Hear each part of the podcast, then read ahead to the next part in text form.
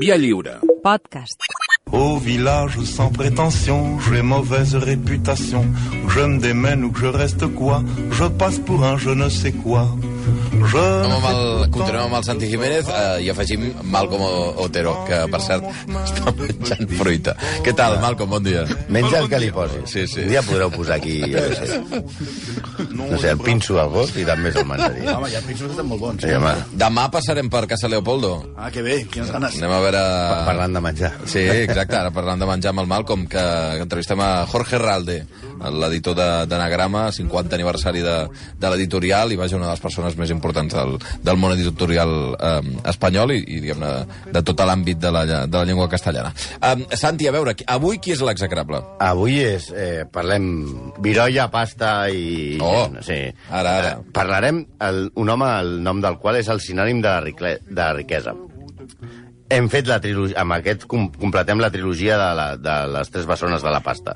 Van fer Onassis, van fer Getty, i avui anem pel tipus que la història concedeix l'honor i reconeix haver estat la persona més rica del món com a mínim des de, des de que hi ha registres, no parlarem de faraons o coses així. Un tio que va arribar a tenir, ojo, la fortuna equivalent a l'1,53% del producte interior brut dels Estats Units, durant el, a cavall als segles XIX i XX. Vol dir que en aquella època tenia 1.400 milions de dòlars. Bo.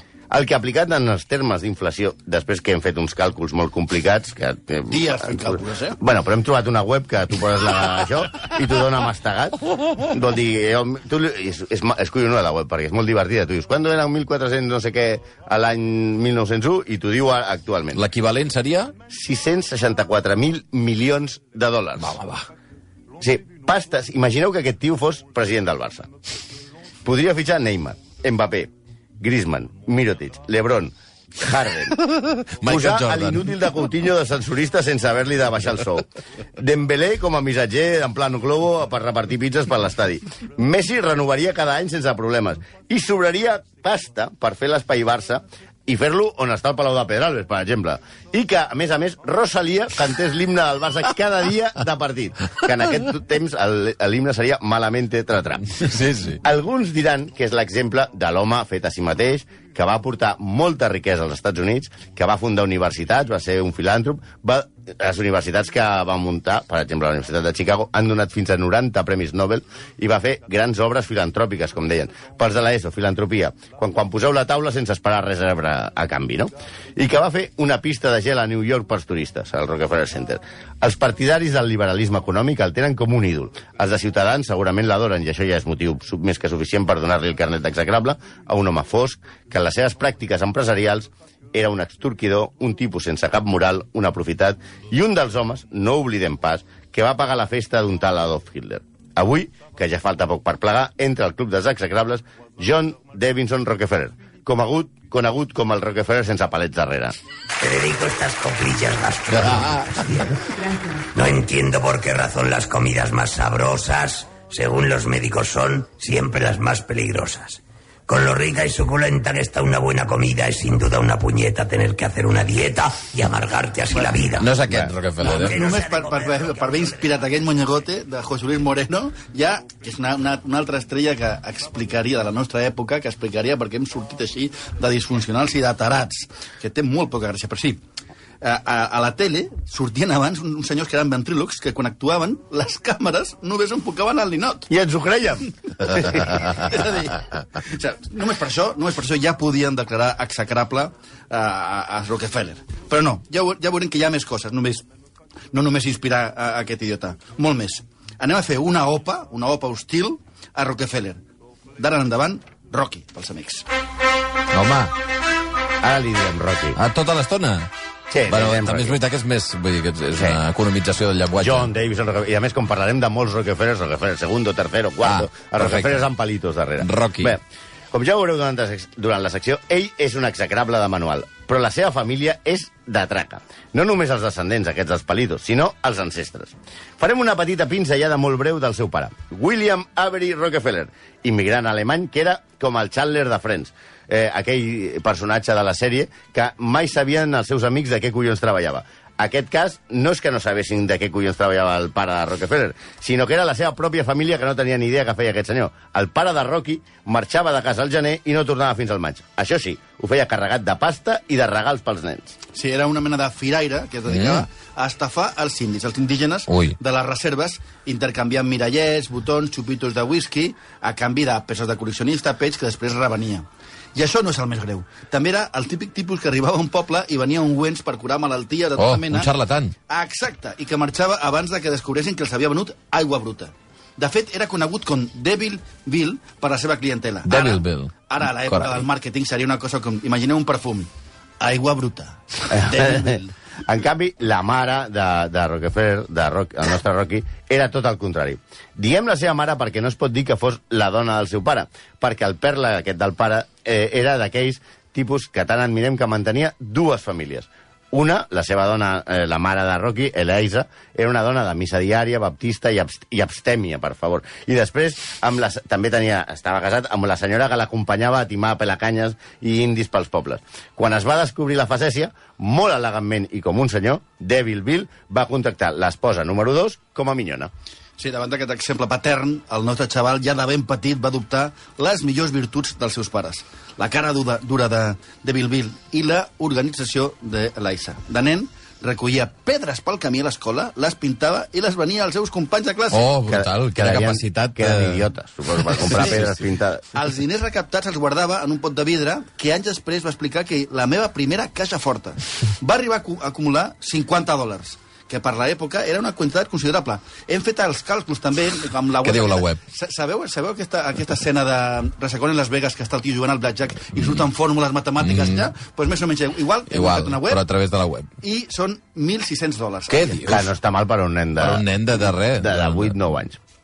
I un dia, quan ell no tenia més de 13 anys, un dels amics del seu pare, que tenint en compte la vida que portava el pare, podia ser un personatge perfectament comparable a Toni Garcia, es va presentar al domicili familiar dels Rockefeller molt alterat. Tenia uns deutes amb gent d'aquella que, com l'Atlético de Madrid, vol cobrar de cop i no tenia diners, com el Barça. Li va demanar al pare de Rocky que li fes un préstec i ell li va dir que no tenia ni cinc. Però el nen Rocky va escoltar la conversa, va treure el seu pot de vidre i li va deixar els diners a l'amic del seu pare a un interès del 7%. Amb 13 anys ja li va deixar amb un interès del 7%. Al- Impressionant. A, a l'amic del seu pare, un tio molt legal, li va tornar puntualment un any després. Abans de tenir edat per entrar a un bingo, Rocky havia fet el seu primer gran negoci i va patentar el lema que l'acompanyaria tota la vida. No treballi pels diners, deixi que els diners treballin per vostè. Amb 16 anys, entra a treballar com a comptable en una empresa de venda de llavors amb un sou enorme per la seva edat i per l'època. Era una fera que dormia poc i es passava la nit pensant en com fer més diners. L'obsessionaven. Ell mateix explica en una entrevista que quan era arximilionari, que era, era molt jove quan vaig veure que els diners vaig veure els, els diners de veritat, de, per primer cop. Era comptable a Cleveland i al meu cap va rebre una carta de pagament de l'Estat per valor de 4.000 dòlars. Me'l va ensenyar i el va guardar a la caixa forta. Tan bon punt va marxar, vaig obrir la caixa i el vaig estar contemplant amb la boca oberta i els ulls fora de les òrbites. El vaig tornar a guardar, però cada nit tornava a la caixa forta per Oh. mirar-lo una estona. Oh, què dius? Sí, sí, l'obsessió de Rocky per la pasta et deixa la de Gollum per l'anell del Oh. oh. com la d'un yonqui davant d'un coleccionista de xapes Però de era mi, mi tesoro, mi tesoro. Sí, no, era, és, és la imatge d'aquest del tio Gilito. Sí, sí, sí, sí. Sí, que mira, Sí, de, convertit en el lobo de Wall Street, molt abans que existís Wall Street, eh, David veu que el negoci de vendre gra i cafè, que era on treballava, se li queda petit i que no vol ser comptable. I veu que el petroli és el negoci del futur. Demana un augment de sou al seu cap, de 200 dòlars. Tenia 18 anys i el cabró ja cobrava 600. I com no li donen, s'acomiada de l'empresa.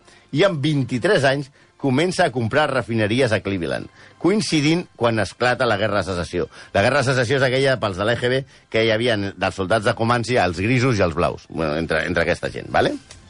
Sí, sí. Òbviament, estava en l'edat de ser reclutat i, per tant, el seu destí era acabar trinxat a Gettysburg.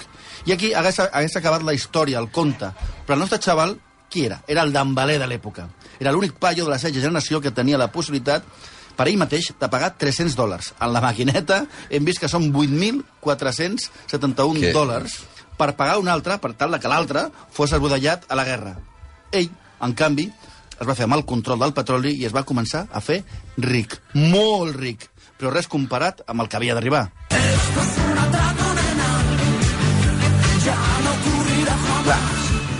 I aquí comença la veritat, la veritable llegenda de Rockefeller.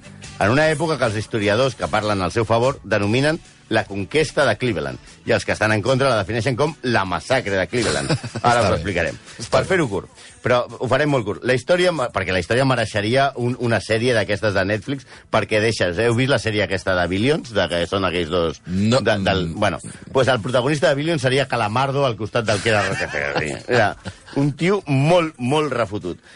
Rockefeller el primer que fa és fot fora el seu soci, un tal Clark, el que guanya una subhasta per quedar-se a l'empresa de petroli que havien fundat junts, una empresa, no sé si us sona, que es diu Standard Oil, Hosti. per 500 dòlars i comença a crear el seu imperi.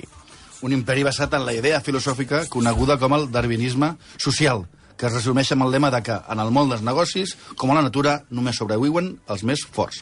Citem un dels seus pensaments. El creixement d'un negoci és, simplement, l'art supervivència del més apte. Com la rosa dels Estats Units, parla d'una flor, que només pot aconseguir la seva gran exuberància i el perfum que ens agrada si sacrific sacrifiquem els capolls. Vull dir capullos, però em parla de flors. Eh? eh que hi ha al seu voltant. No és una tendència maligna, és la plasmació d'una llei de la natura i d'una llei de Déu. Rocky va trobar en la Bíblia, que llegia cada dia, i se'l sabia de memòria, i a més que era abstemi que havia de fer, la justificació per qualsevol malifet empresarial. Com el va definir el seu soci, Maurice Clerc, John tenia fe absoluta en dues coses.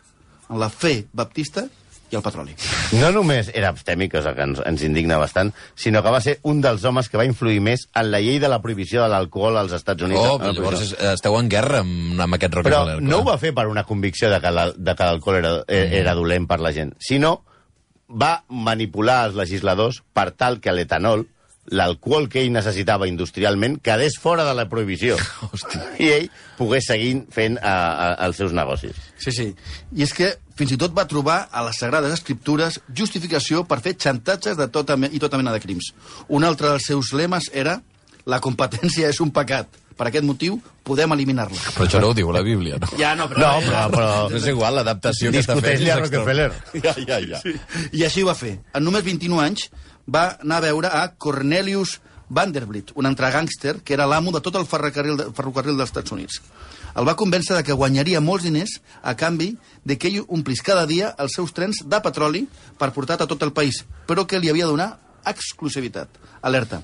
Es van entendre i amb el contracte a la mà, Rocky va anar a veure tots els seus competidors i li, i li deia ha de vendre amb la seva companyia perquè si no mai podrà treure el petroli de la seva ciutat. Hosti. No li penso pagar amb efectiu, li pagaré amb accions de Standard Oil.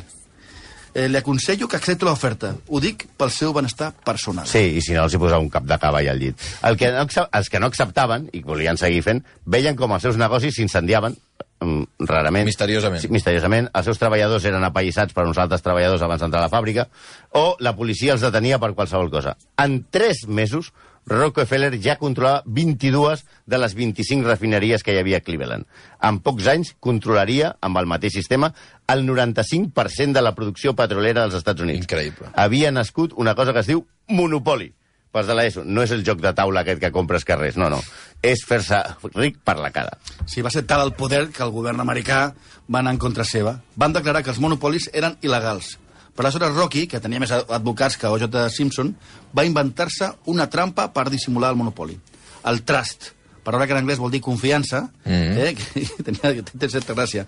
Va dividir el seu monopoli en diverses empreses i el, el control de la qual de l'escola estava amb una direcció general i central que, òbviament, dirigia ell. Home, però... Sí. Bueno, és amb trust, vull dir... És el mateix, però, Però, però fent sí, veure que no. Exacte. Aquí comença la lluita legal més important dels Estats Units. Amèrica contra Rockefeller. El judici va durar 12 anys, des del 99 fins a 1912. Finalment, el Tribunal de Justícia d'Ohio va decretar que l'Standard Oil era un monopoli il·legal i va ordenar que l'empresa es dividís en 37 corporacions diferents. I ara pensareu, hòstia, pobre xaval, el van deixar a la ruïna. I un benegre amb potes roses, que deia la meva iaia.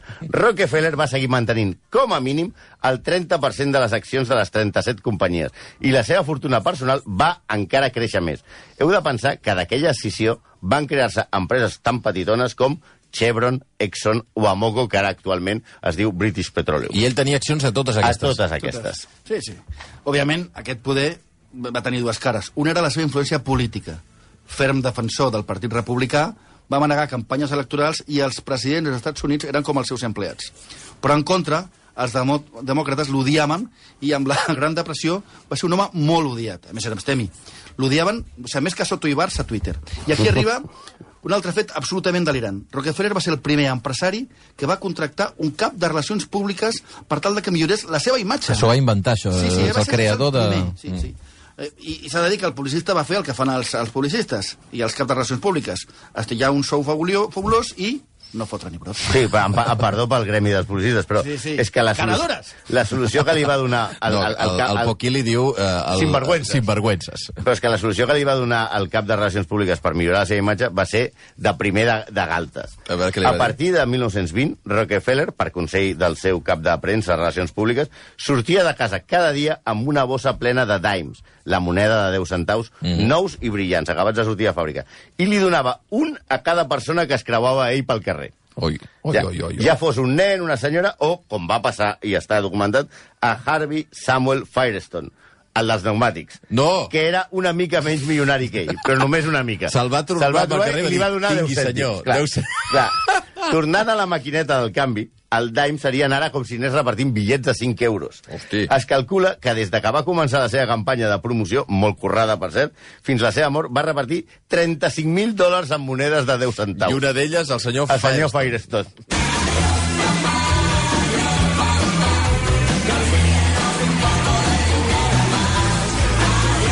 Però, però una de les grans aportacions a l'univers eh, execrable d'aquest home no és la seva obra, que també, és la seva descendència.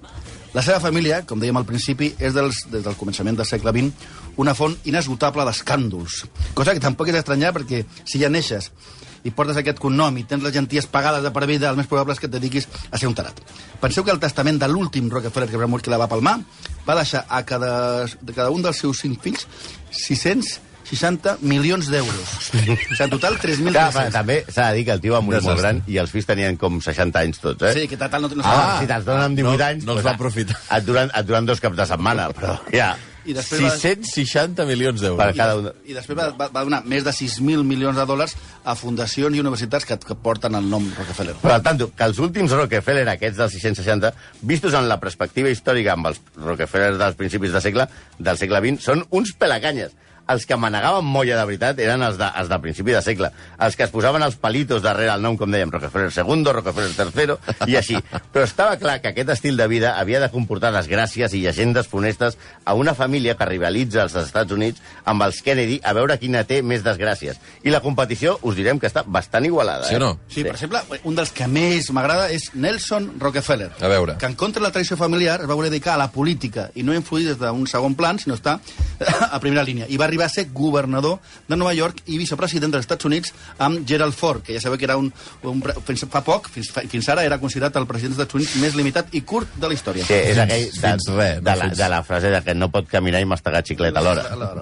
I pues, el Nelson, el nostre Nelson, va morir d'un atac de cor mentre xuscava amb la seva Ai. secretària.